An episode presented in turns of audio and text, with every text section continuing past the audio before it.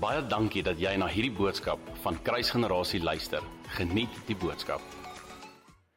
Jy kan nie bekostig om nie te bid nie, want jy is 'n seun van God en dit beteken dat gebed deel is van wie jy is. Jesus het nie net 'n gebedslewe gehad, 'n konstante gebedslewe gehad nie, maar hy het ook 'n gebedslewe gehad waarin hy gedissiplineerd was om na spesifieke plekke toe te gaan oor en oor en oor. 2 Tessalonisense 5:17 sê bid gedurig. Dit beteken dat jy kan bid net waar jy is. Jy kan bid terwyl jy by Pick n Pay is en in die ry staan, jy kan bid terwyl jy by die munisipaliteit is, ek bedoel die vriendelike min, min, min, Terwyl jy daar is, kan jy kan jy bid. Jy kan bid terwyl jy by die werk is, terwyl jy in jou kar is. Daar's jy kan bid net waar jy is, want dit is wat beteken bid gedurig. Maar wie van julle weet dat Jesus hier vir ons wys dat daar 'n sekere plek is waartoe jy moet gaan wat dieselfde plek is om God se aangesig te gaan soek. Jesus wys ons hier wat is dissipline. Jesus wys ons hier hoe belangrik rotine in gebed is. Hy gaan terug na dieselfde plek toe. Maar meer as dit, sien ons sy disippels het hom gevolg. Die skrif sê en ook sy disippels het hom gevolg. As jy 'n disipel is van Jesus, dan volg jy hom in die gebedskamer in. As jy 'n disipel is van Jesus, dan spandeer jy tyd in gebed. Jy kan nie 'n disipel wees as jy nie in verhouding staan nie disipelskap met Jesus maak dat dit jou begeerte is om hom te gaan ontmoet in die gebedskamer en die voordeel van dit alles is hy wag reeds vir ons daar. Hy wag vir ons daar. Jesus wil hê jy moet bid. En as een van sy disippels het jy verantwoordelikheid om in gebed in te tree. Vers 40 sê: En toe hy op die plek kom, sê hy vir hulle: Bid dat julle nie in versoeking kom nie. Familie baie gelowiges val gedurig deur in versoeking omdat hulle nie genoeg 'n posisie van gebed aanneem nie. Gaan dit anders sê. Die oomblik wanneer ons in temptasie val, die oomblik wanneer ons in versoeking val, is dit juis as gevolg van die feit dat daar vrug is op 'n gebedslose lewe. Dis ek het gedink ek gaan meer amen kry. Voel julle dit is skuldig om te sê amen? Die oomblik wanneer jy die heeltyd in versoeking val, is dit 'n bewys van die feit dat jy nie 'n gebedslewe het nie. Jesus sê, bid dat jy nie in die versoeking val nie. Met ander woorde, gebed het die vermoë, gebed dra die krag, vir gebed maak dat daar 'n salwing binne in jou hart opstaan om jou te help om juis versoekings te kan teëstaan. Net vroeër in in in hierdie hoofstuk, gaan kyk daar by hoofstuk 1 ag vers 31. Lukas 22 vers 31. Net daar kom Jesus na Petrus toe en hy sê vir, vir Petrus: "Petrus, Satan het gekom en hy het gevra om jou te sif, maar ek het vir jou gebid." So die oomblik toe Jesus hierdie vir sy disippels sê, het hy dit nie net maar net gesê nie. Hierdie is eintlik iets wat swaar is op sy hart want hy weet Petrus gaan nou op 'n plek wees waar hy gaan versoek word. Petrus, die duiwel het gevra om jou te sif. Petrus, jy moet bid dat jy nie in die versoeking val nie. Het Petrus gebid? Nee, Petrus het geslaap. Petrus het geslaap. So, dis belangrik vir ons as gelowiges as ons wil sterk staan teen versoeking en te sterk wil staan in temptasie om 'n gebedslewe te hê. OK, belangrik. Vers 41 tot 42. En hy het hom van hulle afgesonder om tren so ver as 'n mens met 'n klip kan gooi en neergekniel en gebid en gesê: Vader, as U tog maar hierdie beker van my wil wegneem. Laat nogtans nie my wil nie, maar U wil geskied. Het jy geweet dat hierdie een van die enigste kere is waar Jesus vir homself bid? Daar ons sien dat Jesus 'n konstante gebedslewe het. Ons sien dat hy baie aan gebed is, maar wie wil weet dat daar net sekere gebeure is wat hy gebid het wat opgeskryf is in die woord van die Here. Soos byvoorbeeld Johannes 17. Nou in Johannes 17 is daar 'n gedeelte waar hy vir homself bid. So hierdie is nie die enigste keer nie, maar dis een van die enigste kere waar Jesus bid vir homself. En terwyl hy vir homself bid, is hierdie die heel eerste keer wat Jesus 'n nee ervaar van sy Vader af heel eerste keer. Al die ander kere het God ja gesê op sy gebede. Hierdie keer sê God nee op sy gebed. Selfs die seun van die mens, selfs die seun van God kan vergelyk met die feit dat wanneer jy bid vir iets en God vir jou nee sê, hy het ook daardeur gegaan. God het selfs vir Jesus nee gesê oor iets wat op sy sy hart was. Maar hierdie gebed familie is baie belangrik om te weet. Hierdie gebed wys nie dat Jesus nie God se wil geken het nie. Inteendeel is hierdie eintlik 'n intieme bewys van die feit dat hy God se wil geken het. Want juis as gevolg van die feit dat hy 'n openbaring gehad het van waantoe hy nou op pad is, is juis hoekom hy vir die Here gevra het om hierdie beker eerder by hom verby te vat. Wie van julle weet dat die Ou Testament vol profeseë is van wat met Jesus gaan gebeur op die kruis? Daar's 'n gedeelte in Jesaja wat praat van die feit dat hy so geslaan gaan word dat mense hom nie eers gaan kan herken nie. So die Jesus wat die woord is, wat daai woord, daai profesie eintlik geïnspireer het, weet wat op pad is vir hom. En daarom word hy so oorweldig met hierdie waarheid en hierdie realiteit waartoe hy op pad is, dat hy self op 'n plek is waar hy vir die Here vra: "Here, maar maar is daar nie 'n ander manier nie? Is daar nie 'n ander manier om hierdie ding in vervulling te bring nie? Want ek weet wat vir my wag." Maar nogtans, Here, nie my wil nie, U wil. Wat sê Jesus hier? Want ek het al baie keer gehoor hoe gelowiges hierdie as 'n kopheld gebruik, jy weet, nee as dit as dit die Here se wil is. As dit die Here se wil is, dan sal ek hierdie werk kry waarvoor ek nou aansoek gedoen het. OK. Hier's die hier's die verskil tussen jou gebed en Jesus se gebed. Jesus het geweet wat die Here se wil is voordat die vrug daar was van sy wil. Weet jy wat God se wil is vir die werk waarvoor jy aansoek gedoen het? Het jy as jy aansoek gedoen het vir die werk, weet jy of God wil hê jy moet daai werk kry of nie? Want Jesus het hier gebid, Here, maar as dit U wil is, nie my wil nie, U wil, nê? Nee? Maar hy het geweet wat God se wil is. So daar's 'n groot verskil. Gelowiges dink dis so gelowig om te sê maar Here, U wil geskied en nie my wil nie. Hoor jy? Die Here wil hê jy moet sy wil ken. Jy's 'n kind van hom. Daar's oor en oor gebede. Gaan kyk na die brief van Efesiërs, gaan kyk na die brief van Kol Kolossense. Daar's gebede waar daar gebed is, Here mag hulle U wil ken. Jesus wil hê jy moet sy wil ken. En daarom is hierdie nie veronderstel om 'n kopheld te wees nie, maar is dit juis 'n bewys van die feit dat ons veronderstel is om God se wil te ken. Dit is nou nie gemik op iemand wat aansoek gedoen het vir 'n werk nie, hoor. Daai was nie 'n profetiese woord nie, so moenie nou skuldig voel nie. Dis net 'n voorbeeld. Right, so jy kan regtig regtig relax. Ek sien hoe jy al hoe stywer trek. Dit lyk of jy op 'n rollercoaster is vanoggend. Dis dalk moontlik om so te voel. Dis dalk regtig regtig moontlik.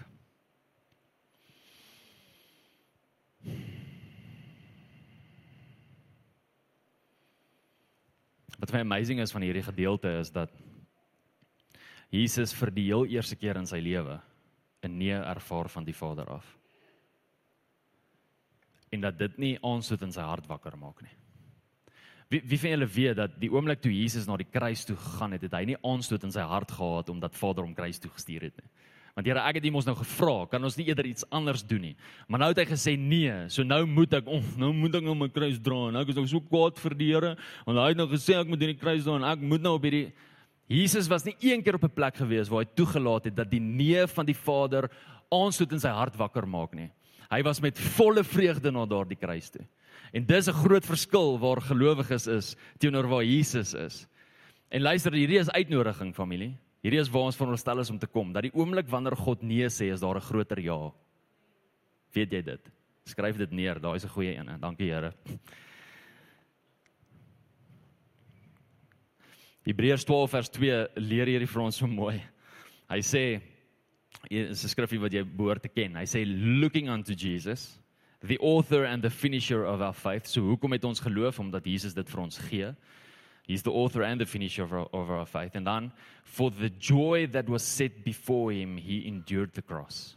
Met ander woorde, ja, Jesus is op 'n plek waar hy weet hoe moeilik hierdie beker gaan wees. Hy weet, hierdie gaan 'n tawwe tyd wees. En hy vra vir die Here, is daar nie 'n ander manier nie. En Vader sê vir hom nee. En die oomblik toe hy daai nee ervaar het, ons het nie wakker geword nie. Het hy nie met enigiets in sy hart teenoor die Vader hierdie kruis opgeneem nie. maar het die Vader se vreugde in die vervulling van daardie woord sy vreugde geword. Die begeerte wat in die Vader se hart was, was toe Jesus se begeerte. Dit het sy hele gemoed so verander dat die oomblik toe hy kruis toe gegaan het, hy met vreugde na daardie kruis toe gegaan het want hy het geweet wat 'n blessing daar gaan wees. Hy het geweet daar's 'n groter ja in daardie tyd. So hierdie gebed was eintlik, dit wys vir ons daar's 'n dieper vlak van gebed. Familie, daar's 'n dieper vlak van gebed. Hoeveel van ons spandeer tyd in gebed vir onsself, vir ons geliefdes, vir ons familie, vir mense wat ons wat ons ken? Wanneer ons in gebed is. Jesus wys vir ons daar's 'n dieper vlak van gebed. En dit is om op 'n plek te kom waar sy begeerte my begeerte raak in gebedstyd. Dat daai openbaring wat in sy hart is, die openbaring is wat in my hart is. Dit is die dieper vlak van gebed wat Jesus vir ons hier wys vers 43. 'n Interessante gedeelte. En 'n engel uit die hemel het aan hom verskyn en hom versterk. Ja, ek moet hierdie volgende net vir vir ons as 'n familie wys en en leer. Dat Jesus was nie besig om te bid tot engele nie. Jesus was besig om te bid tot die Vader. En terwyl hy besig was om te bid tot die Vader, stuur die Vader 'n engel om hom te kom versterk ek sien te veel dat daar mense is wat bid om engele te sien en bid vir hierdie encounters met engele en bid want hulle soek net meer van daai en meer van die supernatural en hulle so agter daardie goeters aan en ek wil vandag 'n waarskuwing van hierdie kansel af gee om te sê pasop dat jou hart nie in afgoderry val nie. Hoekom wil jy na 'n engel kyk as jy na Jesus kan kyk? Hoekom wil jy met 'n engel praat as jy met Jesus kan staan en praat? Kan ek jou 'n gedeelte gou wys? Ek het nou-nou te praat ek van Johannes. Nou Johannes was 'n man wat groot openbaring gekry het. Dit is my oortuiging dat Johannes openbaring gekry het en juis die brief, brief van openbaring geskryf het omdat hy die disipel was wat die intiemste verhouding gehad het met Jesus. Intimiteit lei na groter openbaring en Jesus kon hom vertrou met die boek van Openbaring. Dis my oortuiging. So hier's Johannes hy kry hierdie openbaring van van die boek van Openbaring. Hy sien letterlik vir Jesus in sy verreëse vorm. Hy sien hoe hy nou lyk. Hy sien hoe die hemel nou lyk. Hy sien wat gaan gebeur in die toekoms. Hy kry waarskuwings, hy kry hoop, hy kry beloftes. Al hierdie goeters gebeur. En in Openbaring 19 gebeur daar 'n interessante ding. Nadat hy nou al, luister, van hoofstuk 1 af tot en met hoofstuk 18 amazing goed gesien het en beleef het. Gebeur daar iets interessants in Openbaring 19. Hoor wat gebeur, ek gaan dit vir jou lees. Openbaring 19 vers 9 tot 10. Toe sê hy vir my, dis nou 'n engel. Nie Jesus nie, dis nou 'n engel. Toe sê hy vir my, skryf: Salig is die wat genooi is na die bruilofsmaal van die Lam. Ja, prys die Here, ons kan net daar stil staan en ek kan vir 'n uur preek net op daardie statement. Salig is die wat genooi is na die bruilofsmaal van die Lam. En hy sê vir my, Dit is die waaragtige woord van God. Vers 10. En ek het voor sy voete neergeval om hom te aanbid. Maar hy het vir my gesê: Moenie. Moenie. Ek is 'n mededienskneg van jou en van jou broeders wat die getuienis van Jesus het. Aanbid God. Johannes is op 'n plek waar hy al hierdie amazing openbarings het en selfs 'n oomblik van swakheid oorweldig is deur die glorie van 'n engel en val om 'n engel te aanbid en die engel korrigeer hom en hom sê moenie moenie my aanbid nie. Aanbid die koning van die konings. Aanbid vir Jesus. Ek wil vandag vir ons as 'n familie sê dat as dit moontlik is vir Johannes om 'n oomblik van swakheid te hê en in 'n oomblik afgoderry in sy hart wakker te maak is dit vir ons ook moontlik Pasop vir die hongerte vir engele. Jesus is mooier. Jesus is groter. Vat Jesus 'n voorbeeld. Hy het gebid tot die Vader en die Vader het vir hom engel gestuur. As God jou kan vertrou met die openbaring van 'n engel, dan sal jy engel sien. Anders gaan jy nie. Dit was nou diep. Is julle nog met my? Dis baie lief vir julle. Dis kom ek dit deel. Vers 44. Vers 44. En toe hy in 'n sware stryd kom, wie van julle weet dat Jesus ook op 'n tyd was op 'n plek was waar hy 'n sware stryd gehad het. het hy met groter inspanning gebid. Sy sware stryd, sy angstige tyd, sy moeilike tyd waardeur hy gegaan het, het hom gedwing om meer te bid. Kan ons leer uit dit uit? OK. En sy sweet het geword soos bloeddruppels wat op die grond val. Dis hierdie is 'n amazing gedeelte.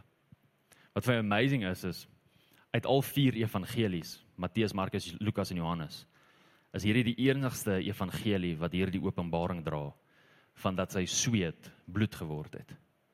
Baie mense word vasgevang met die woord soos en dan dink hulle nee dit was nie bloed nie dit was soos bloed nee nee nee as jy in die oorspronklike Grieks ingaan dan sien jy dit was bloed sy sweet het bloed verander OK en met dit wil ek vir jou die volgende sê Lukas was 'n mediese dokter hè en dis my oortuiging dat Lukas as 'n mediese dokter geweet het wat 'n groot openbaring hierdie is, die feit dat Jesus bloed gesweet het en hoe nodig ons as 'n kerk het om dit te hoor. Die feit dat hy bloed gesweet het. Ek gaan dit nou vir jou verduidelik. Die bloed wat Jesus gesweet het, noem ons 'n mediese kondisie hematohidrose. Hematohidrose.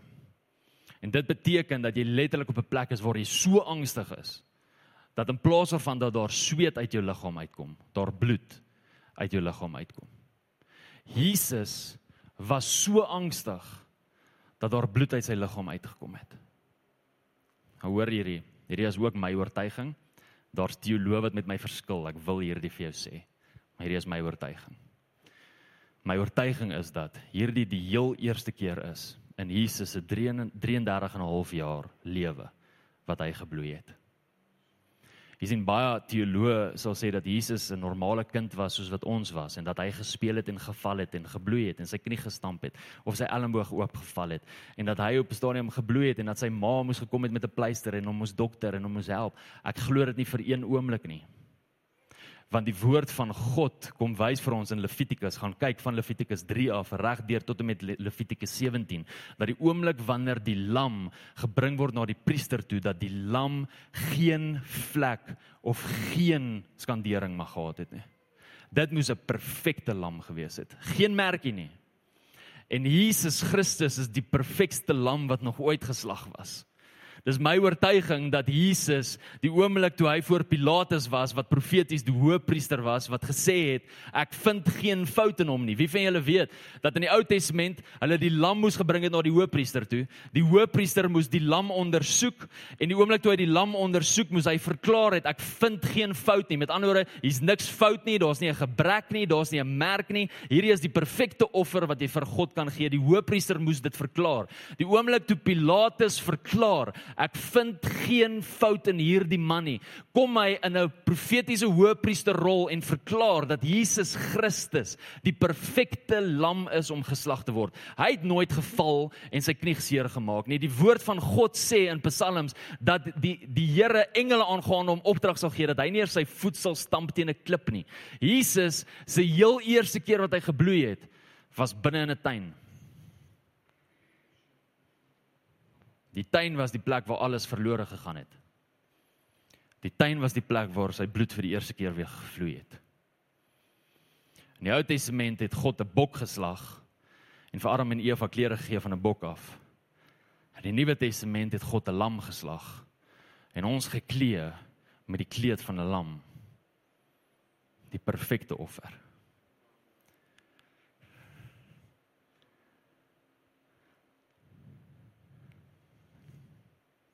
Die eerste keer wat Jesus gebloei het, het hy gebloei vir jou angs. Die eerste keer wat Jesus gebloei het, het hy gebloei vir jou vrede. Het hy gebloei vir jou bekommernis, het hy gebloei gebloei vir jou omstandighede wat jou so vinnig laat worry. Die eerste bloed wat Jesus voor gebloei het, was vir jou emosionele gesondheid. Vir jou intellektuele gesondheid. Die heel eerste bloed voordat hy by 'n kruis was binne in 'n gebedskamer. Jesus se bloed. Nou ek moet sê dat die wêreld so anders gelyk gekyk het na Jesus in hierdie tyd. Die wêreld sou na hom gekyk het en gesê het: "Is maar as dit is hoe hierdie man is, voordat hy voor Pilatus staan. Voordat hy voor die Sanhedrin en die hoofpriester en al hierdie groot mense staan. Voordat hy daar staan, as hy nou al so angsbevange is, as hy nou al so bang is, as hy nou al so nervous is om daar te kom, hoe gaan hy lyk as hy daar kom? Dis hoe die wêreld sou opgetree het. Maar die oomblik wanneer ons kyk na hierdie prentjie, dan sien ons dat dit nie die waarheid is nie. Ek kan jou beloof dat die wêreld gesê het, kyk as hy maar net die vrede van sy disippels gehad het, want hulle lê in slaap in hierdie tyd. O, hulle dra soveel vrede. Maar die oomblik wanneer ons na hierdie kyk, dan sien ons dat Jesus in sy gebedskamer tot die Here uitgeroep het en in daardie tyd het hy soveel so geressel vir dit wat op pad is, dat die oomblik toe hy voor Pilatus gestaan het, hy geen kommernis, geen stres, geen angs gedra het nie. Dat die oomblik toe hy op pad was na die kruis toe, dat hy geen bekommernis, geen angs, geen stres gedra het nie. En die drie wat geslaap het en die drie wat vol vrede was in die daai tyd toe hulle moes bid, hoe het hulle opgetree? Dit was die drie wat gehardloop het. Uit daai drie uit was daar net een by die kruis, Johannes. Die res was nie daar nie. Die ander 8 was ook in 9. 8 was nie daar nie want Judas is in elk geval dood. Hulle was nie daar nie. Ja. Die oomblik wanneer ons in gebed na die Here toe kom vir ons angstigheid, dan beteken dit dat daar iets release word in ons lewens sodat ons kan face juis daardie ding wat ons angstig maak. Juis daardie ding wat ons bekommerd maak. Juis daardie ding wat maak dat ek my vrede verloor. Die oomblik wanneer ek in gebed na die Here toe kom en daar stoei met hierdie ding, kan ek juis daar gaan staan. Ek wil vandag vir jou sê dat mense vou in daardie tye omdat hulle nie voorheen in gebeds was nie. Vers 45 tot 46. Die laaste gedeelte en dan sluit ek af. Wie het dit gemaak. Toe staan hy van die gebed op en kom by sy disippels en vind hulle aan die slaap van droefheid. Dit is, is interessant dat hulle van droefheid, met ander woorde van hartseer van die feit dat Jesus hierdie ding is oorweldig. Interessant dat hulle toe van dit aan die slaap geraak het. Kan ek vir jou die volgende vraag vra? As Jesus vandag moet opdaag om te kyk hoe lyk jou gebedslewe, hoe sal hy dit vind? Vind hy jou ook aan die slaap? Of vind hy jou op 'n plek waar jy besig is om te stoei vir die dinge waarvoor hy stoei? Vind hy jou op 'n plek waar jy besig is om uit te roep vir die dinge wat in sy hart is, waarvoor hy begeer? Wat gaan hy vind as hy opdaag en kom kyk hoe lyk jou gebedslewe? En hoor wat sê hy vir hulle? Hy sê vir hulle Hoekom slaap julle? Wat slaap julle? Wat slaap julle? Ek dink die Here kyk vandag na die kerk en ek praat van die globale kerk en ek dink binne in sy hart vra hy, wat slaap julle? Wat slaap julle? Dis tyd dat julle moet wakker word. Dis tyd dat julle moet opstaan. Hoor wat sê hy vir hulle? Staan op en bid dat julle nie in die versoeking moet kom nie. Hoor gou hier kerk, daar's daar's tyd om te sit en te bid. Maar Jesus verwag hier vir hulle om te staan en te bid. Hoekom? Want die oomblik wanneer jy staan, beteken dit jy's gereed vir dit wat kom. En ek dink baie van ons familielede moet ophou sit en bid en begin staan en bid. As 'n profetiese aksie van die feit dat jy verklaar Here, ek is gereed vir hierdie ding om te gebeur. Ek is gereed vir hierdie ding om in vervulling te kom. Kyk Here, ek staan en ek bid. Ek staan en loop en ek is besig om in te tree en U te vertrou vir hierdie beloftes, hierdie goed wat U gespreek het, hierdie goed wat op U hart is. Ek sit nie meer nie. Ek staan, want as ek sit, wag ek. Maar as ek staan, is ek gereed. En Jesus verwag van sy disippels hier om te staan. Dit was 'n mond vol.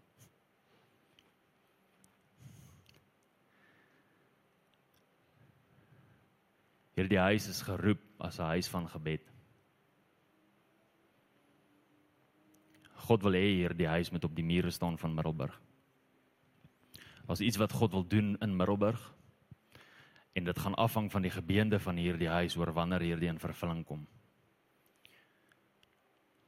En dit is tyd dat die slapendes wakker word om saam te kom bid. En dit is tyd dat die wat sit opstaan om saam te bid. Want die tyd is nou. In 'n mens se gedagtes sal 'n mens sê nee, COVID moet eers verbygaan. Nee, die ekonomie moet eers beter word. Nee, dalk eers volgende jaar, so einde van die jaar, die mense begin nou, jy weet, volgende jaar. Ja, die Here dink nie soos wat die mens dink nie. Môre begin ons 21 dae Daniel vas. En in hierdie tyd roep ons uit Maranatha. Kom Here Jesus kom. Die Here het gekom. Die Here kom. Die Here gaan kom. Dis wat ons uitroep. En dis tyd dat ons as 'n familie saam staan om hom te vertrou vir die volheid van die Here. Ons was Woensdag aand by ons gebed plus minus 40 mense. Wat amazing is want dink is een van die van die meeste kere, meeste getalle van mense wat opdaag. En ek weet ons gaan 10 teenoor net 'n limiet van 50 kry as gevolg van sekere regulasies. Maar soos wat julle ek weet nie of dit ek gaan nie dit live sien nie. Ons wys nooit niemand weg van die kerk af nie. Maak nie saak wat die regulasies die landswet sê nie. Jesus sê kom na my toe. Julle wat moeg is, vermoeid is en belas is, kom na my toe. Ons wys nooit niemand weg nie. Dis tyd om te bid, kerk. Dis tyd om te bid. Daar was 40 mense by ons by ons Woensdag aand gebed. Weet julle hoeveel mense was by ons Maandag aand gebed? 7. Want as ons bid vir ons eie goed, dan is die mense daar, maar ons bid vir die Here se goed, dan is die mense nie daar nie. En dis hoekom ek vandag hierdie boodskap bid, preek, skus, en bid. Dat God se begeertes vir ons sal belangriker word as ons eie begeertes. Dat dit wat in sy hart is vir ons sal belangriker word as dit wat in ons eie hart is. Dat hoe ook al ons wil hê die dinge moet gebeur, eers bietjie kan kant toe skuif. Sodat dit wat hy wil hê moet gebeur kan deurkom. Daai hele die yield waarvan Anja gepraat het. Kom ek bid vir ons. Here binne in die brief van Lukas sien ons so groot begeerte. U het gesê ek het gekom om vuur op hierdie aarde aan te steek. En hoe wens ek dit dit wil brand? Dis u begeerte vir die vuur van die gees om te brand. As dit u begeerte is, is dit my begeerte. Dis my begeerte in hierdie plek, Here. Dis my begeerte vir ons as 'n kruisgenerasie om te brand van die Gees. So dis ons gebed, Heilige Gees, kom kom come set us ablaze in the name of Jesus. Come and stir it in our hearts, Lord. Come and stir it in our lives that we would burn for the King of Kings in the name of Jesus. En Here dat wanneer ons bymekaar kom, dit nie net 'n normale bymekaar kom sal wees nie, maar dat ons sal beleef wat ons ver oggend beleef het, 'n groter heerlikheid, 'n groter manifestasie, 'n groter teenwoordigheid van wie U is, want ons is honger vir U, Here.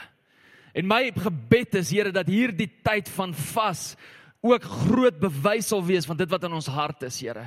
Die feit dat ons nee sê vir iets want ons is hongerder vir iets anders. Here, ons is honger vir U om te kom doen wat U wil doen en ons bid dat U dit sal kom doen in die naam van Jesus. So Here, ek weet wat U wil is. Daar's 23 beloftes neergeskryf daar agter. Dis U wil. En hierdie is my gebed. Here, laat U wil geskied in hierdie plek dat elke een van daardie beloftes in vervulling kom in die naam van Jesus. En mag U in elke persoon wat hier sit vanoggend en elke persoon wat kyk op Facebook, Here, mag U met U Gees gebed kom wakker maak in die naam van Jesus. Ek bid dat daai kettinge nou sal afval. Ek bid dat daai leiheid nou sal afval. Ek bid dat daai verskonings gekanselleer sal word in die naam van Jesus en ek bid dat daar 'n vuur, 'n honger te sal wees in die disippels van Jesus om hom te volg in die gebedskamer in in Jesus naam, Here. Oh Lord, I feel that righteous anger and I pray in the name of Jesus that there would be a release in this place in Jesus name. Bid Here dat ons nie net sal sê ons is 'n huis van gebed nie. The proof is in the pudding. Dat wanneer ons gebedsessies het dat dit sal wys. O, oh, dit sal so gemanifesteerd wees dat daar iets is in ons harte wat ons dra, daar's iets in ons harte waarna ons uitroep. En hierdie is dit, Here, Middelburg sal gered word in die naam van Jesus. Elke mond in hierdie dorp sal die naam van Jesus op hulle monde hê. Elke hart sal die naam van Jesus geskrywe hê, ingegraveer hê op hulle harte in die naam van Jesus. Middelburg sal gered word. Dis u hart Suid-Afrika sal geïmpakteer word, Here. Suid-Afrika sal omdraai. Suid-Afrika sal tot redding kom. Suid-Afrika sal lewe volgens die koning se begeertes in Jesus naam, Here. En ons verklaar dat geen siekte, geen omstandighede, geen mag vir die duisternis in die plek kan staan en kan blok wat u wil doen nie. COVID sal nie blok wat u wil doen op hier in hierdie tyd op hierdie aarde in die naam van Jesus nie, Here. U sal kom doen net wat U wil doen. So ons verklaar vryheid in die Gees. Ons verklaar vryheid in die Gees oor hierdie plek en ek verklaar vryheid in die Gees oor elke persoon wat vanoggend hier sit, Here. Freedom in the spirit. May they experience you. Here mag hulle U hoor. En mag U vir hulle nuwe goed kom sê. Come and awaken, Lord. Come and breathe come and ignite that fire in Jesus name. Dankie dat jy na hierdie podcast geluister het. Indien jy die boodskap geniet het, deel hom asseblief met jou vriende.